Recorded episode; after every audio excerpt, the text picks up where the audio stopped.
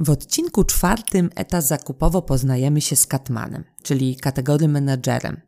Czy z taką funkcją spotykamy się tylko w organizacjach dojrzałych zakupowo? Czy kategory menedżer powinien być jak dyplomata, godząc interesy swoich klientów biznesowych w organizacji oraz dostawców usług, towarów? Kategoria menadżer często jest osobą, z którą dostawca usług wchodzi w bezpośrednią relację i warto wiedzieć więcej, kim on, ona jest, z jakimi wyzwaniami się mierzy na co dzień. Będzie również o znaczeniu mechanizmów ekonomicznych, wskaźników gospodarczych, sztuce negocjacji i zależności między Katmanem a lokalnymi kupcami i ekspertami kategorii. Ja nazywam się Małgorzata Musińska-Kubis i zarządzam kategorią zakupową Logistyka i Transport, a po drugiej stronie mikrofonu Julia Jancy, ekspertka zakupowa, twórczyni Akademii Kupca. Eta zakupowo płynie.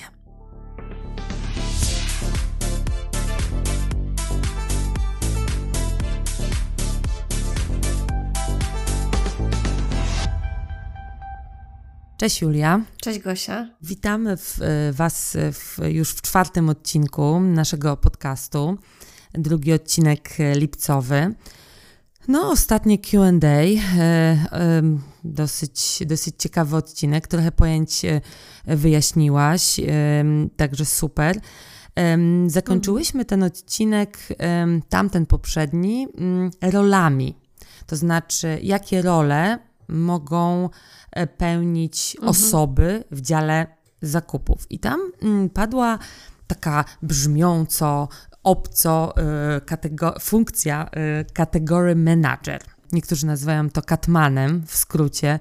Nie, nie, nie mhm, oznacza tak, to absolutnie żadnego mhm. jakiegoś człowieka, kota z jakiś, y, baj, jakąś bajkową postać, mm, ale jest to rzeczywiście bardzo ważna funkcja w dziale zakupów. Tak jak wspominałaś ostatnio, mm, funkcja dosyć strategiczna.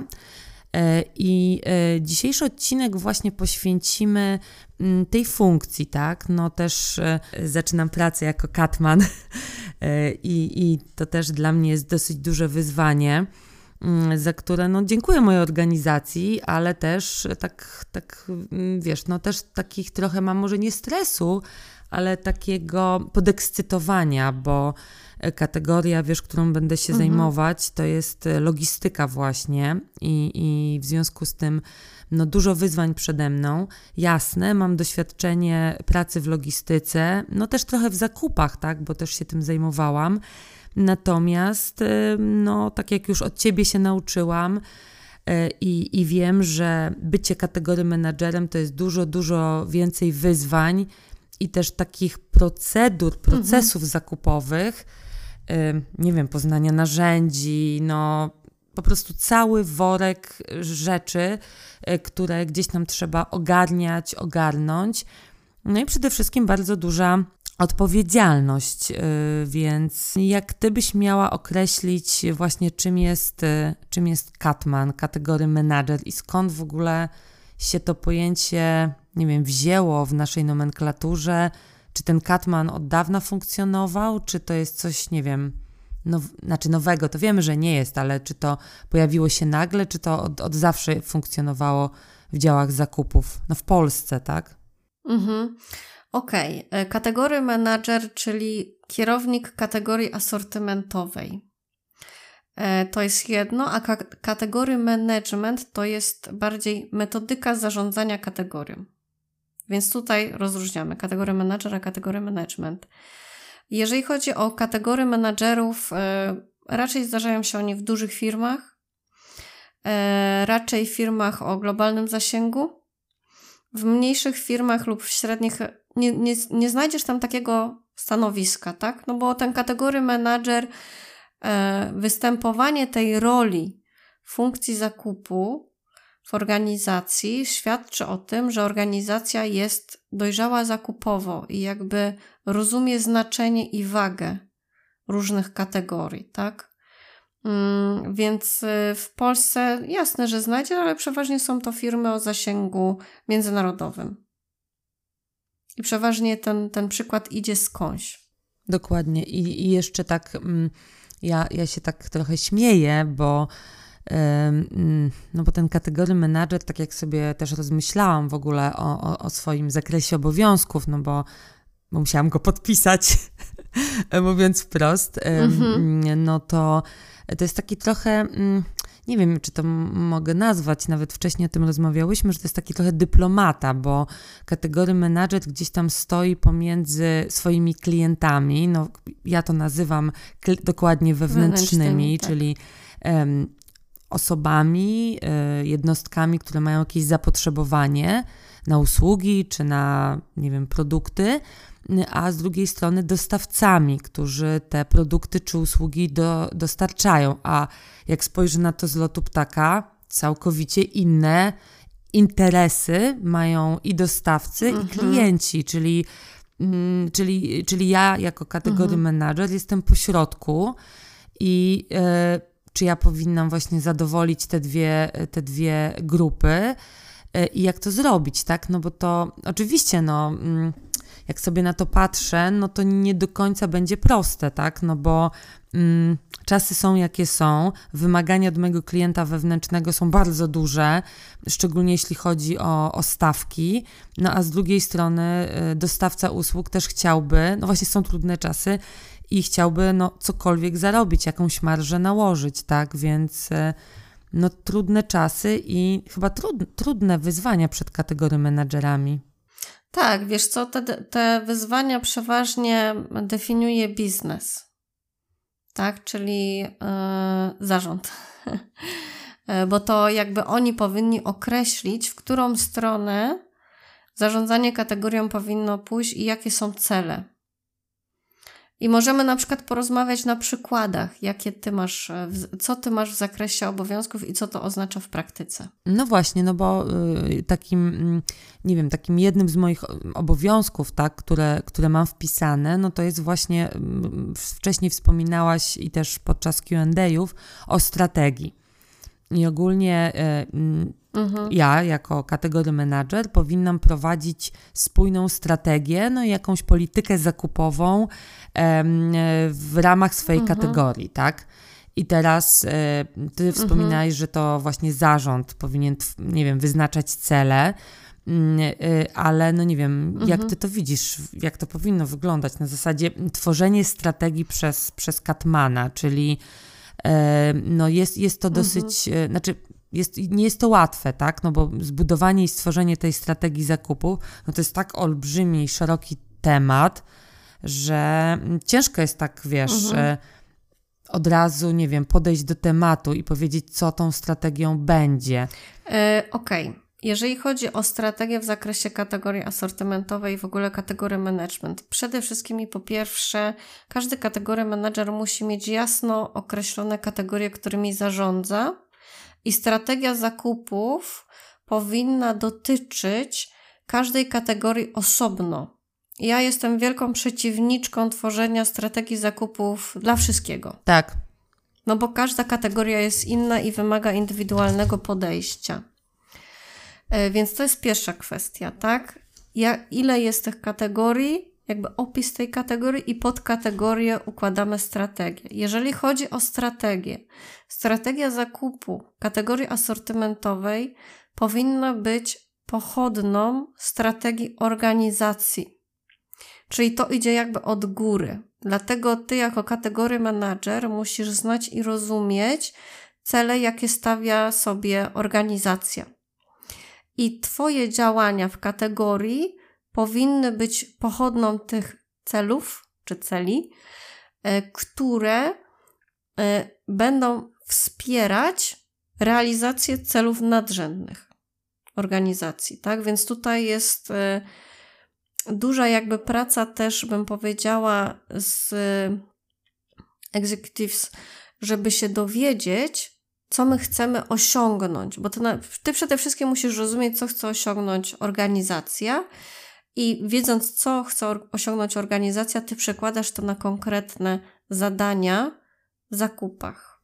Dlatego to jest tak bardzo istotne. Jeżeli chodzi o strategię zakupów, kategorii manager może ją tworzyć samodzielnie, może ją współtworzyć, z na przykład innymi osobami zainteresowanymi, czyli na przykład ekspertami merytorycznymi czy ekspertami e, z innego obszaru, tak? I może ją też implementować. No bo jak stworzysz strategię, to musisz też stworzyć plan implementacji tej strategii w strukturach firmy, bo to jest coś, co dotyka całej kategorii.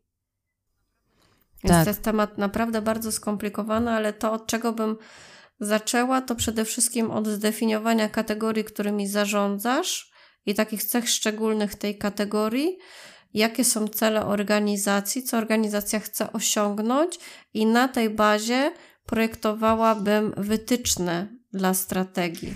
Czyli na przykład e, w strategii zakupów możemy sobie, organizacja dąży powiedzmy do zmniejszenia, nie wiem, ilości operacyjnej pracy, tak? Więc ty ten cel możesz wspierać na takiej zasadzie, że ty będziesz zmniejszała ilość dostawców, nie zwiększała, tylko zmniejszała ich poprzez konsolidację i inne strategie, bo każdy dostawca przechodzi przez wiele rąk w organizacji.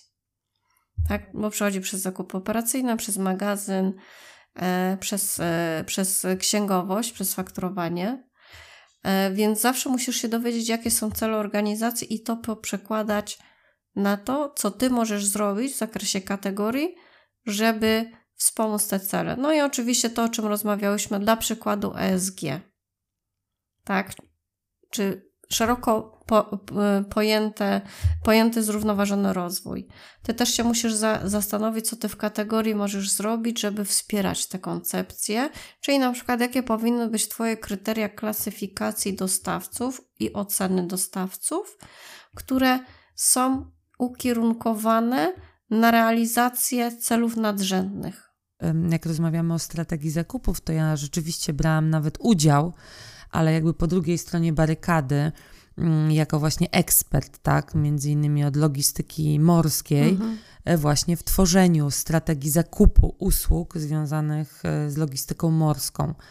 Także, także trochę znam to od e, jakby drugiej strony bardziej właśnie tej eksperckiej e, i, i taka strategia e, gdzieś tam u nas przynajmniej w firmie e, funkcjonuje. Czyli, czyli to, też, to też jest bardzo ważne.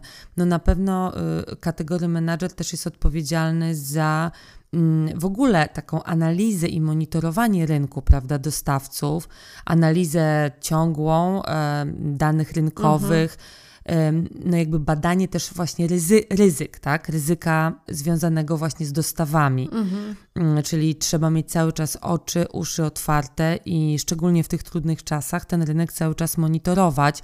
Myślisz, że mm, powinien kategorii menadżer budować sobie, nie wiem, jakąś siatkę wsparcia, takiego, nie wiem, merytorycznego? Czy ta analiza danych to, nie wiem, z jakich źródeł może korzystać z takich jakichś opracowań? Hmm. Nie wiem, jak ty zawsze radzisz kategorii menadżerom? Oczywiście wiem, że zależy to od, przepraszam e, cię, Od, od kategorii, tak? No ale mhm. z czego może korzystać? No nie wiem, może wśród nas są jacyś inni kategorii menadżerowie i słuchają. Mhm. E, wiesz co, my bardzo dużo kategorii menadżerów szkolimy z zakresu twardych technik negocjacji, czyli z mechanizmów rynków surowcowo-walutowych i kontraktów, ponieważ jedną z takich kluczowych umiejętności profesjonalnego kategorii menadżera jest właśnie znajomość tego, jak działa rynek, tak, jak działają surowce, jak działają waluty. I to są takie trzy podstawowe kwestie. Czyli jeżeli na przykład kupujesz jakieś usługi w euro, musisz wiedzieć, jak w ogóle działa ta waluta, jak ona rezonuje z rynkiem, tak? E, jeżeli kupujesz stal, no to musisz wiedzieć, jakie są, są trendy na, na rynku. Narzędzi jest naprawdę mnóstwo. Jest mnóstwo stron, o których właśnie Jaromir Łuszczewski, dyrektor zakupów globalnych Volvo, mówi na szkoleniu, bo tam jest naprawdę mnóstwo źródeł, które są dostępne za darmo. Tylko to jest zawsze kwestia interpretacji, a do interpretacji tego i przewidywania trendów potrzebna jest trochę wiedza z zakresu ekonomii inwestowania bo rynek jakby działa w cyklach, tak? Więc, więc to się wszystko, wszystko się e, powtarza. Ja tutaj mogę słuchaczy odesłać do kanału na YouTube Akademii Kupca, e, i do naszego nagrania webinaru z mechanizmów rynków surowcowo-walutowych, gdzie mogą się troszeczkę więcej na ten temat dowiedzieć, bo przeważnie musisz rozgraniczyć rynek, a Twoja baza dostawców. Tak? Jak sobie radzi rynek, jak sobie radzą dostawcy, bo nie zawsze to, co jest na rynku, odzwierciedla sytuację od dostawcy. I to na przykład było bardzo widoczne w pandemii, że były pewne bańki spekulacyjne, czy jak się zaczęła wojna na Ukrainie, tak, widać było, co się dzieje ze stalą. I pomimo tego, na przykład, że cena stali w trendzie spadała, to cena u dostawców nie spadała. Bo oni się zatowarowali w czasach, w których cena stali była wysoka. I byli zatowarowani na kilka miesięcy do przodu. I tu jest zawsze pytanie, no, czy, czy kupujesz po starej cenie, czy po nowej cenie, czy patrzysz na trend, jakby rozmawiasz z tym dostawcą na bazie argumentów twardych, bo już kategorii menadżer bym powiedziała, ok, on musi mieć tą strefę jakby miękką, jeżeli chodzi o techniki negocjacji i w ogóle umiejętność komunikacji, ale to jest dla mnie też taki żołnierz, który ma konkretne narzędzia i konkretną wiedzę merytoryczną, że on za bardzo nie musi wykorzystywać tych miękkich technik. Bo on ma właśnie, tak jak mówisz, analizy i raporty. Są rzeczy, które są darmowe, są rzeczy, które są płatne. E, ja na przykład z płatnych to korzystałam kiedyś z Beroe. E, wiem, że Jaromir ma dużo też płatnych raportów, ale nie, nie powiem jakich, bo, e, bo nie wiem.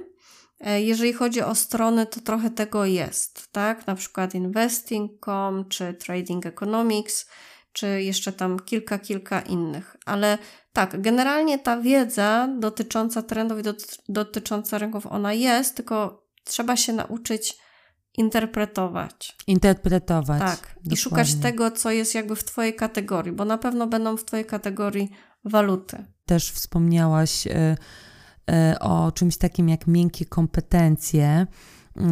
Y, I tutaj tak. no nie będę ukrywać, zresztą każdy kupiec powinien mieć coś takiego jak E, kompetencje negocjacyjne, bo jakby jego praca jest związana mhm. no, w dużej mierze właśnie z prowadzeniem negocjacji.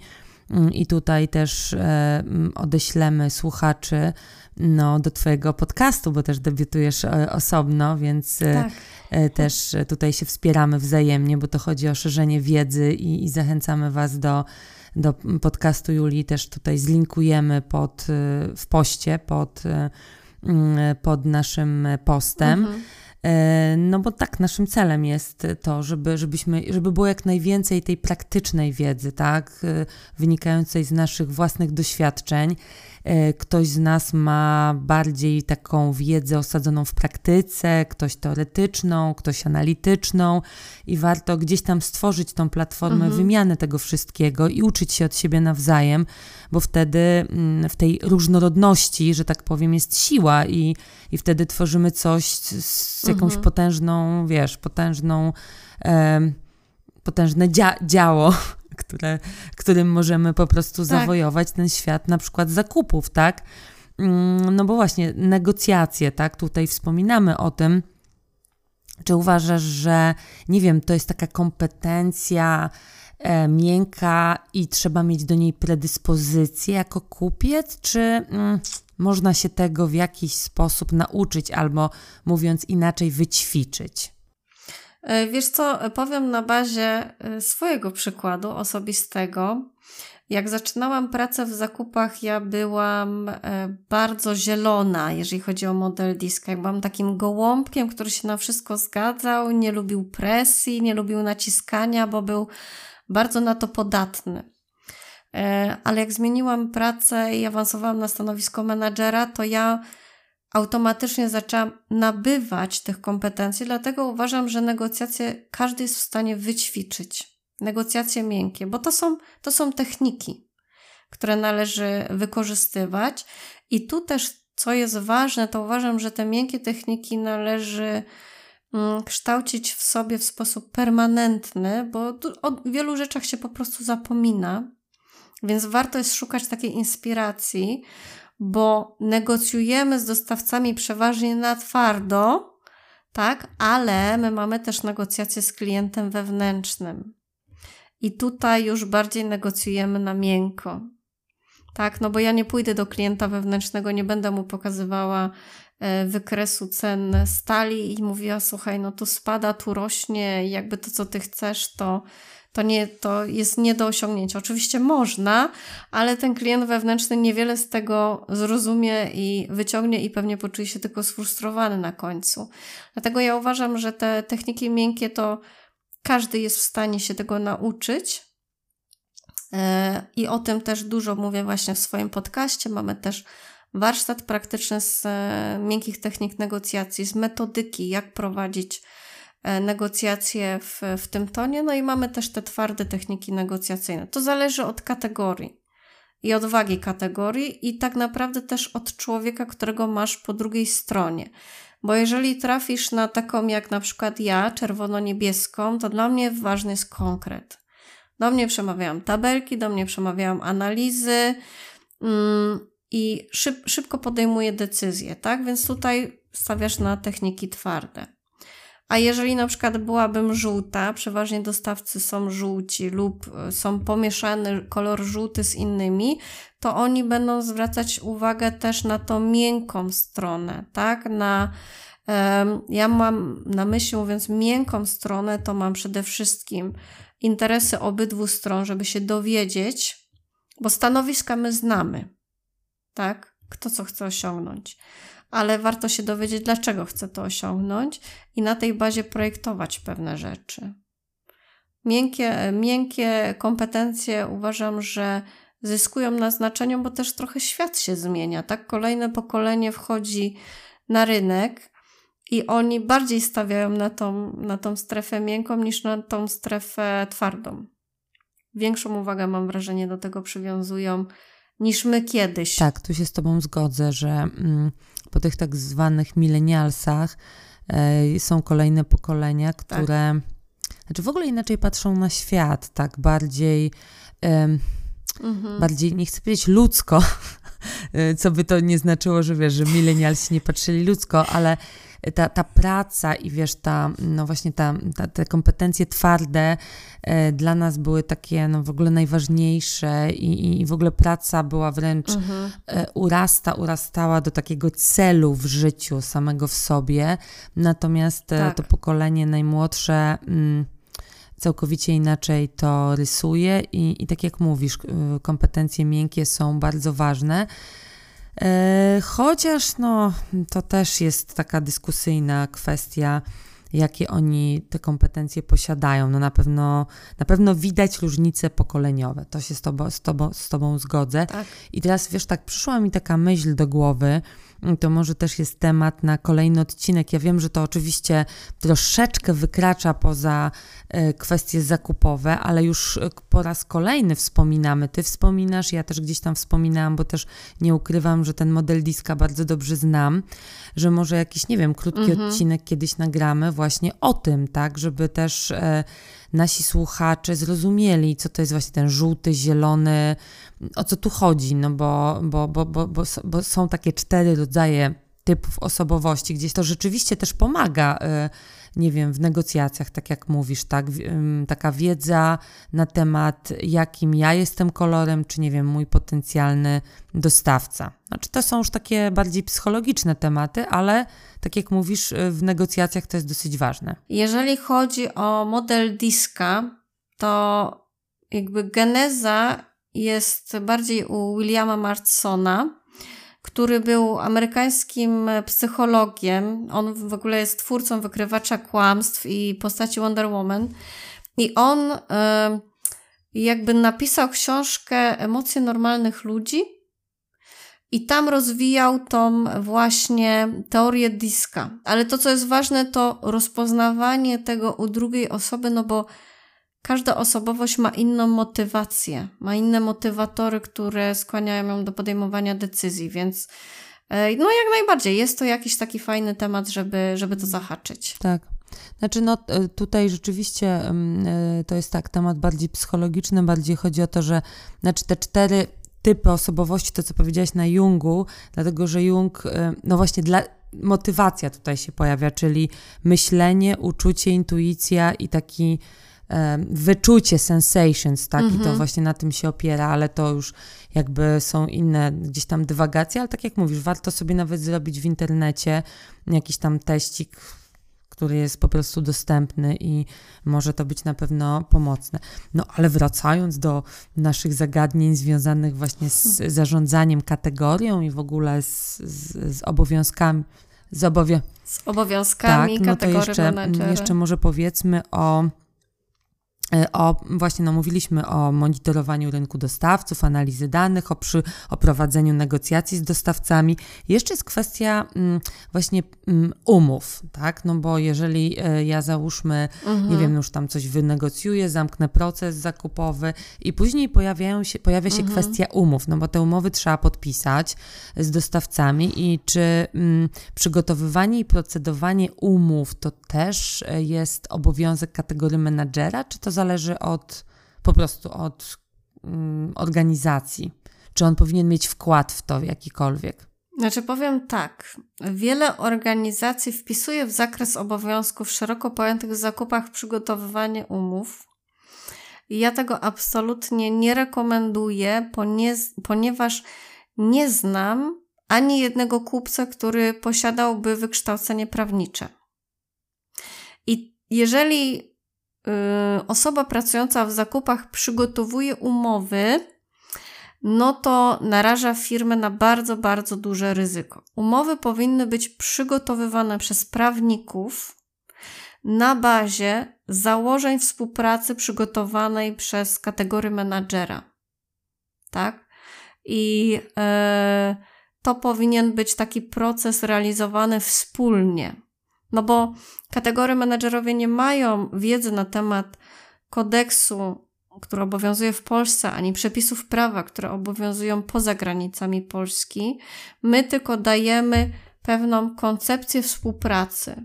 Jak nasze organizacje by to widziały, jakie interesy organizacji chcemy zabezpieczyć i jakie interesy chce zabezpieczyć dostawca. I prawnik, mając taką koncepcję współpracy i główne wytyczne, powinien zaprojektować, przygotować taki szablon, który powinien też być później przedmiotem jakichś negocjacji. Generalnie umowy to jest bardzo skomplikowany temat, bo ja uważam, że przede wszystkim wielu kategorii menadżerów robi błąd, że umowy dopina na samym końcu. Czyli te wytyczne, czyli to, czego ja oczekuję od dostawcy, to dostawca się dowiaduje na końcu. On to powinien wiedzieć już na etapie zapytania ofertowego, żeby być w stanie jakby ocenić, czy chce wziąć udział w tym zapytaniu ofertowym. Tak, no bo tutaj może wchodzić kwestia jakichś kar umownych, e, ubezpieczenia i innych rzeczy. E, I to powinna być decyzja na początku, czy żeby nie doprowadzić do takiej sytuacji, że okej, okay, wynegocjowałam dobrą cenę, ale utknęliśmy na umowie i na przykład dostawca finalnie po miesiącu czy dwóch e, ciężkiego procesu negocjacyjnego mówi mi, że on nie jest w stanie zaakceptować tej umowy, tak? Więc pewne wytyczne powinny być już na samym początku, na etapie zapytania ofertowego. Później, jak już mamy wybranego dostawcę, to siadamy Doradzam usiąść kategorii menadżer, dostawca, prawnik, dostawcy i nasz prawnik w, w, takie, w takim zespole, żeby wspólnie wypracować pewne rzeczy, tak? Bo czasami jest tak, że się prawnicy przerzucają między sobą, bo brakuje kropki nad i, a tu powinna być kropka, a nie przecinek, a tu powinien być średnik, a nie cudzysłów. E, I te kwestie się rozmywają. Co do zasady, umowa jest dokumentem bardzo formalnym. E, tak jak powiedziałam wcześniej, nie znam żadnego kupca, który by miał wykształcenie prawnicze i doświadczenie w projektowaniu umów, i też uważam, że jest to zbyt ważna rzecz dla organizacji, bo niesie za sobą pewne naprawdę krytyczne konsekwencje dla firmy e, i uważam, że to powinno być przygotowywane przez prawnika. Jak można tu wspomóc kategorię menadżera? Ja na przykład miałam szablony umów, czyli mi prawnik przygotował, przygotował taką umowę ogólną, dotyczącą dostaw, dotyczącą zakupu y, części materialnych czy zakupu usług, czyli niematerialnych. Te szablony były załączane do zapytania ofertowego, żeby dostawca był w stanie się z tym zapoznać. Jednym z kryteriów y, oceny ofert i takich pytań, na które dostawca miał odpowiedzieć, to były właśnie pytania z tej umowy. Czy wyrażasz zgodę na to? Czy zgadzasz się z tym i tym? Czy wyrażasz zgodę na to? Czy akceptujesz to i to postanowienie umowy?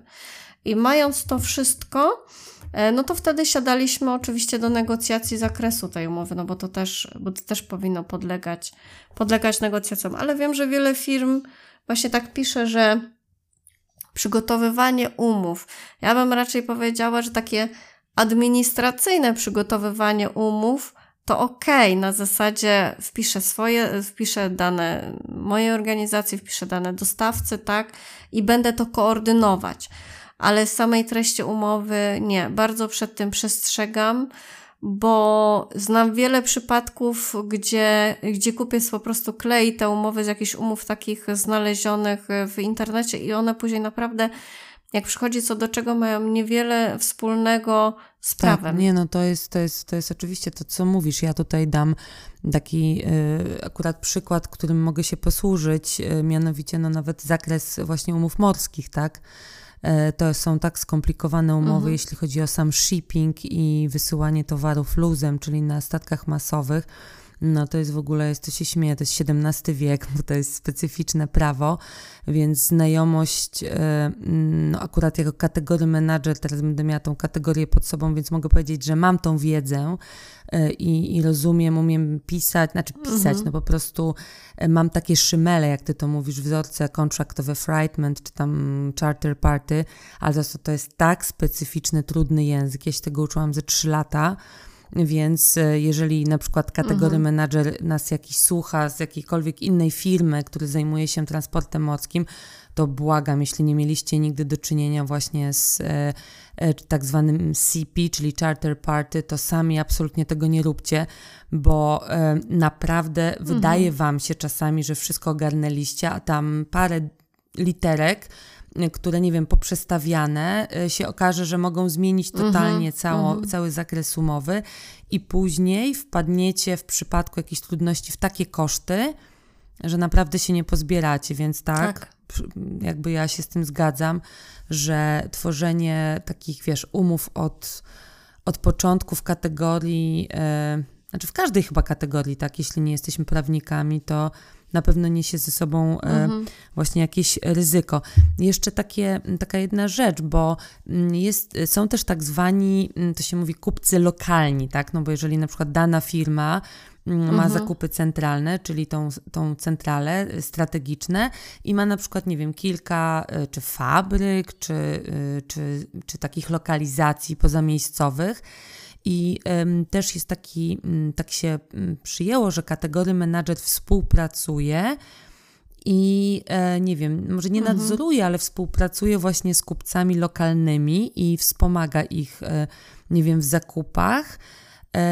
I e, jak ty, jak, jak ty wiesz, no, z, z, doświadczenia, myślisz, że tam są jakieś takie ryzyka związane właśnie z tą współpracą i na co taki kategory menadżer powinien uważać, tak? nie wiem, czy, czy, czy, czy, czy są jakieś rzeczy, które powinien wziąć pod uwagę, no bo ja rozumiem, że e, ci e, kupcy, mm, nie wiem, lokalni to są jego klienci wewnętrzni, czy, czy oni z nim współdziałają? Jak, jak, jaka, jaka to jest zależność z reguły? A jakbyś tak mogła na przykładzie, chodzi o to, że na przykład mamy kategorię menadżera, który mhm. jest w Niemczech i się zajmuje tymi usługami, powiedzmy, transportu morskiego czy tam spedycji, ale jest też kupiec e, lokalny, który jakby lokalnie między zakładami w Polsce coś, no coś organizuje. tak, tak, na przykład. O to chodzi? Ja zawsze uważam, że mm, ta rola kategorii menadżera we współpracy z kupcem lokalnym powinna być taką rolą trochę coachingową. Bo wiadomo, że kategorii menadżer przeważnie ma większą wiedzę na temat kategorii, ale kupiec, który działa lokalnie, ma większą wiedzę na temat lokalnego rynku i uwarunkowań tego rynku, tak, i struktury dostawców. Oni powinni działać. Ja uważam, że kategoria manager powinien zadawać dobre pytania, żeby pobudzać do myślenia, powinien wskazywać te obszary, gdzie są ryzyka i obszary, którymi należy się zająć w pierwszej kolejności, żeby robić ten transfer wiedzy na temat kategorii. No bo lokalnie to myślę, że kupcy sobie przeważnie, przeważnie radzą i wiedzą, jaki jest rynek, mm, ale tutaj taka ścisła współpraca jak najbardziej. Znaczy, wiesz co, Też... jeszcze tak, mm, takie, mhm. przepraszam, że ci wchodzę w słowo, bo już takie pytanie mi teraz przyszło do głowy. Taka w sumie y, wa bardzo ważna rzecz, wiesz, bo y, na przykład, no nie wiem, załóżmy, że jakiś tam biznes, y, który ma zapotrzebowanie e, na daną usługę, mhm. Mm, nie wiem, no jakiegoś tam przewozu, tak, kolejowego mm, i jest to dość duży biznes, no i trzeba dokonać zakupu, tak, tego przewozu. E, załóżmy właśnie, nie wiem, tam w fabryce, no strzelam, w jakiejś tam Holandii, tak, mm, i teraz e, mhm. to no właśnie zastanawiam się, czy e, lepszym ruchem będzie e, coś takiego, że ten biznes przyjdzie do kategorii menadżera, który jest odpowiedzialny za usługi przewozów i złoży to zapytanie, czy, czy biznes powinien iść bezpośrednio do kupców tam na miejscu, do tej Holandii i z nimi się dogadywać, czy to powinno być regulowane, nie wiem, jakimiś procedurami w firmie, czy czy jak myślisz, czy to nie wiem, czy, czy z reguły jest tak, że najpierw kategorii menadżer, później kategorii menadżer, nie wiem, e, współpracuje z, z tym lokalnym e, właśnie kupcem tych usług? Czy, czy, czy, czy to ma być wolna amerykanka, jak kto chce? E, wiesz co? Mm, ja jestem za tym, żeby jednak trzymać się struktury, ponieważ pomijanie struktury i pewnych zależności zawsze rodzi chaos. I często jest tak, że osoby decyzyjne czy osoby na wysokich stanowiskach, ok, mają tych kategorii menadżerów, ale stwierdzą, no to ja sobie skrócę tą ścieżkę i ja sobie pójdę do kupca.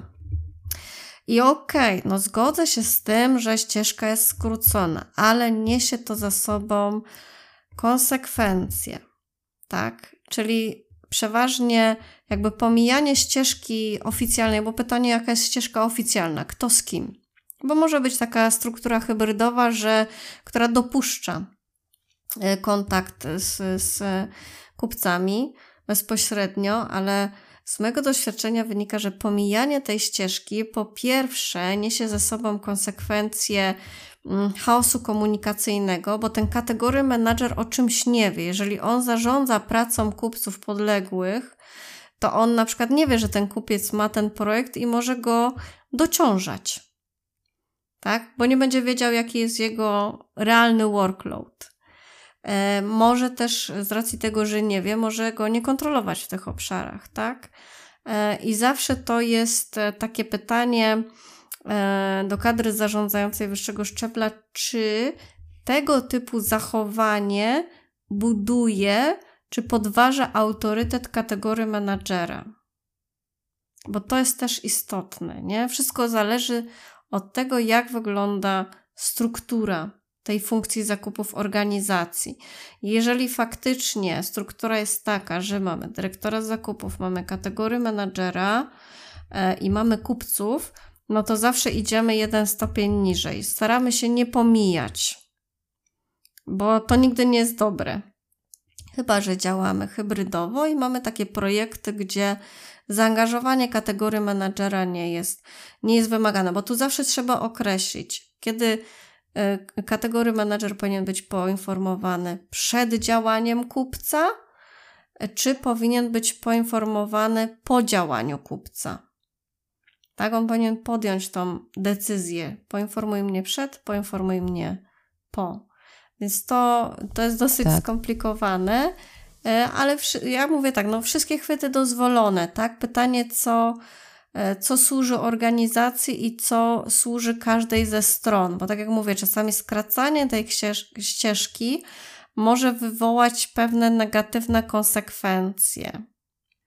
Tutaj właśnie taki, wiesz, autorytet, ale też budowanie re relacji, tak? Kategorii menadżera z kupcem, jako takiej osoby, która służy wsparciem, która jest, która się interesuje, która się angażuje, to też jest ważne. Tak, to jest, to jest, to, jest to bardzo Ci dziękuję za to, bo to, to jest taki temat, który przynajmniej z mojego doświadczenia, też rozmawiając z innymi osobami, którzy, które są zaangażowane właśnie w, no, są kategorii menadżerami, też mają z tym może nie problem, ale takie wyzwania, tak, z tym związane.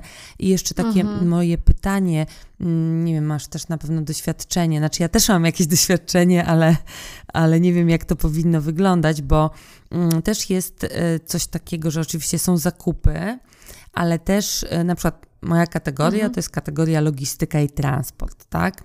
No i tutaj też są mhm. ludzie y, no, w danych lokalizacjach, którzy są stricte związani z logistyką, ale oni są tymi ekspertami. Czyli na przykład, nie wiem, w siedzibie gdzieś tam strzelam w tej Holandii, e, to jakaś tam wymyślona moja lokalizacja. Są też osoby mhm. nie z zakupów, ale z logistyki, którzy, które te osoby naprawdę ten rynek znają i jakby no, są ekspertami. I bardzo często jest tak, że mhm. Mm, te osoby się bardzo wyrywają do tego, że one wiedzą najlepiej, one w ogóle chcą już to kupować, no bo one rzeczywiście mhm. są ekspertami.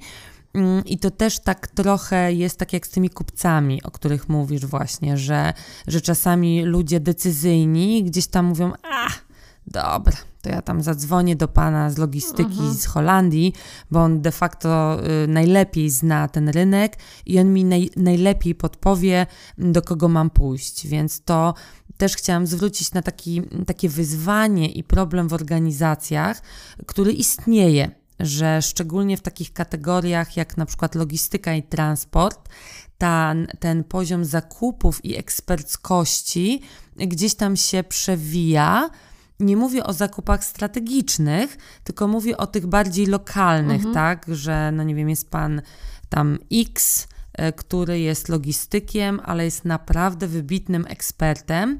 No i bardzo często biznes, czyli potencjalny klient wewnętrzny kategorii menadżera, idzie prosto do pana, wiesz, X, tego logistyka, bo mówi, hm, hm, hm, on to jest ekspertem i on tam mi powie, co mam zrobić. I bardzo często, wiesz, tak gdzieś za kotarą się odbywają jakieś takie ustalonka, mhm. właśnie poza zakupami, tak, poza kategorią menadżerem. I, i, i wiem, że takie, takie sytuacje mają miejsce, więc, więc wiesz, też taka, mm, kurczę, takie zbieranie argumentów, jak jak to zmienić. No i takie wyzwanie trochę przed też takimi osobami jak ty, żeby tłumaczyć właśnie organizacjom, czy, że to tak nie do końca powinno być. Znaczy wiesz, wszystko to się rozbija tak naprawdę o zakres obowiązków i uprawnień, no bo masz eksperta zakupowego, e, który jest tym kategorii menadżerem, on ma wiedzę na temat e, kategorii, tak, lub wie, gdzie tej wiedzy szukać, gdzie to sprawdzać, bo to też nie chodzi o to, żeby miał wszystko w głowie zapisane, ale on też powinien być ekspertem w zakresie zakupów i metodyki zarządzania kategorią, tak? No bo on patrzy długookresowo. Nie tylko tu i teraz, tylko on patrzy długookresowo i to jest ekspert zakupowy. Są eksperci merytoryczni, e, czyli tak jak mówisz, ci lokalni logistycy, którzy znają bardzo dobrze rynek. I ja wychodzę z założenia, że oni powinni ze sobą współpracować, ale ich zakresy obowiązków powinny być różne. Bo jeżeli są takie same, to mamy konflikt. Możemy mieć konflikt, no bo kto ma to realizować, kto ma to nadzorować, tak? To jest tak jak z zakupami, e, gdzie nie wiem, wiele wiele oddziałów e, czy, czy wiele działów organizacji kupuje to samo. Na przykład papier do ksero. Każdy dział kupuje papier do ksero, tak? Tylko jeden kupuje w takiej gramaturze, w takich ryzach, drugi kupuje w takiej gramaturze, w takich ryzach. Jeden działa szybciej, drugi działa wolniej, bo porównuje. Ja jestem za tym, żeby jednak trzymać się zakresu uprawnień, bo to, to, czy mówisz, wiąże się też trochę z kulturą organizacji. I z tym, z tym na co pozwala zarząd i w ogóle jakie mm, standardy są kreowane przez zarząd, tak? No bo jeżeli zarząd sam pokazuje, że ok, ja tu mogę kogoś pominąć, iść bezpośrednio, to ja bym się zawsze zastanawiała, ok, czy to długofalowo mi pomaga, czy to mi szkodzi. Czy to jest wypracowywanie pomijania, tak? A później jak jest, jak coś pójdzie nie tak, no to do kategorii menedżera napraw. Zastanawiałam się też, czy kategoria menedżer musi być jakby w to zaangażowany, bo jeżeli to są jakieś takie małe rzeczy, to może on musi być tylko poinformowany, żeby on wiedział, że coś się dzieje, tak?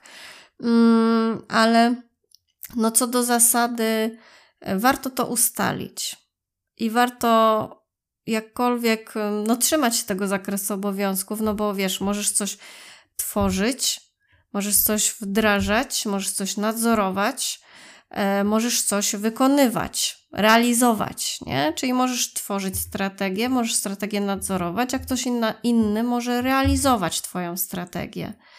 I tu jest właśnie też e, to istotne, że jeżeli tworzysz strategię zakupów w kategorii logistyki, no to to powinna być strategia raczej globalna w tych kategoriach, która też obejmuje innych logistyków, żebyście wyszli w tym samym miejscu, bo ty możesz na przykład pracować nad konsolidacją dostawców, a zarząd takim działaniem, że idzie bezpośrednio do logistyka, no to logistyk mówi, a pojawiło się pięć nowych firm na rynku, dwa domy dalej, tak, dwa budynki dalej, to ja z nimi zacznę współpracę i ty będziesz pracowała na tym, żeby zmniejszyć, a on ci będzie zwiększać. Trochę tak nieświadomie, bo nie ma tej komunikacji, Dokładnie. więc struktura, ścieżki, tak, kto, do kogo, gdzie i jak i kto za co jest odpowiedzialny. No właśnie, to, to tak Ustalanie, jak... wdrażanie, nadzorowanie i realizacja. No temat jest rzeczywiście mm, dosyć mm, obszerny y, i jeszcze tak na, na zakończenie, no y, to też takim chyba obowiązkiem y, właśnie kategorii menadżera też jest jak najbardziej raportowanie i prezentowanie tych wyników swojej pracy, prawda? Czyli, czyli to, mhm. co tam sobie działa w, tym, w tej swojej kategorii, to też musi potrafić też mieć odpowiednie kompetencje, żeby to w jakiś sposób zaprezentować, tak? Czyli nie tylko gdzieś tam trzymać dla siebie, mhm. ale, ale, ale pokazać to, więc naprawdę. Tak powiem Ci, że jak tak sobie myślę o tym, no to sporo, sporo pracy przede mną jeszcze, takiej, e, wiesz, połączenia mm, na różnych kompetencji, tak? Na pewno jakieś tam nowe kompetencje mm, e, będą wchodzić i ja na pewno sięgnę też po te, po te Twoje podcasty, e, a propos miękkich kompetencji, żeby sobie gdzieś tam mhm. jeszcze, jeszcze posłuchać, dosłuchać, bo to, to też ciekawe. Mm, będzie i no i też będę się zapoznawać z tymi mechanizmami wszystkimi. Znaczy step by step wydaje mi się, że, że tak, nie wszystko, nie wszystko naraz. naraz. Dokładnie. No natomiast jak najbardziej, wiesz, no jest trochę wyzwań, ale wydaje mi się, że e, że, że, że, że będzie ciekawie. Jest, jest to, jest to y, obszar bardzo ciekawy i pełen wyzwań, ale ale wydaje mi się, że warto podjąć rękawice. Tak, wiesz, to są takie zawody przyszłości, nie? No bo w perspektywie powiedzmy 10 lat czy 20 lat my będziemy w stanie zautomatyzować zakupy operacyjne do tego stopnia, że może się okazać, że kupcy operacyjni nie są potrzebni, bo to się dzieje po prostu samo. A kategorie menadżerowie, y, myślę, że posady mają, mogą być o swoje posady spokojni, no bo tu jednak wchodzi jakaś analiza, tak? I tu jest zawsze ten czynnik ludzki i znajomość tego dostawcy, więc dla mnie kategoria management to taki jest kierunek, bym powiedziała, przyszłości i warto promować w ogóle to stanowisko w Polsce, żeby zaczęło się pojawiać też w firmach, które mają polski kapitał. Żebyśmy gonili no naszych sąsiadów w tym obszarze. No. No tak. to będziemy promować. Czas trochę już nam się kończy. Temat jest rzeczywiście obszerny i, i jakby bardzo wiele pobocznych tematów, które gdzieś tam na pewno będą e, nam służyły do nagrywania kolejnych odcinków. Także też e, dzięki za dzisiaj. E, temat taki trochę mm, stricte związany z zakupami, no bo mówiący o, o obowiązkach kategorii menadżera, ale tak jak powiedziałaś, zawód y, ciekawy, zawód przyszłości, y, strategiczny mhm. i też mhm. Mm, dla Was z branży właśnie logistycznej. Może to być ciekawe z punktu widzenia e, takiego, że jako dostawcy będziecie bardzo mieli często kontakt właśnie z kategorią menadżerami. Także tak. dzięki Julia, tak. no i co? Mhm. I tym, którzy nas słuchają na wakacjach, mam nadzieję, że odpoczywacie, wspaniałych wakacji. No my nie, nie ustajemy tutaj w nagraniach i w sierpniu też postaramy się gdzieś tam y, pojawić y, na antenie, w sieci i na innych tak. mediach. Tak. Dzięki bardzo Gosia za dzisiaj i do usłyszenia.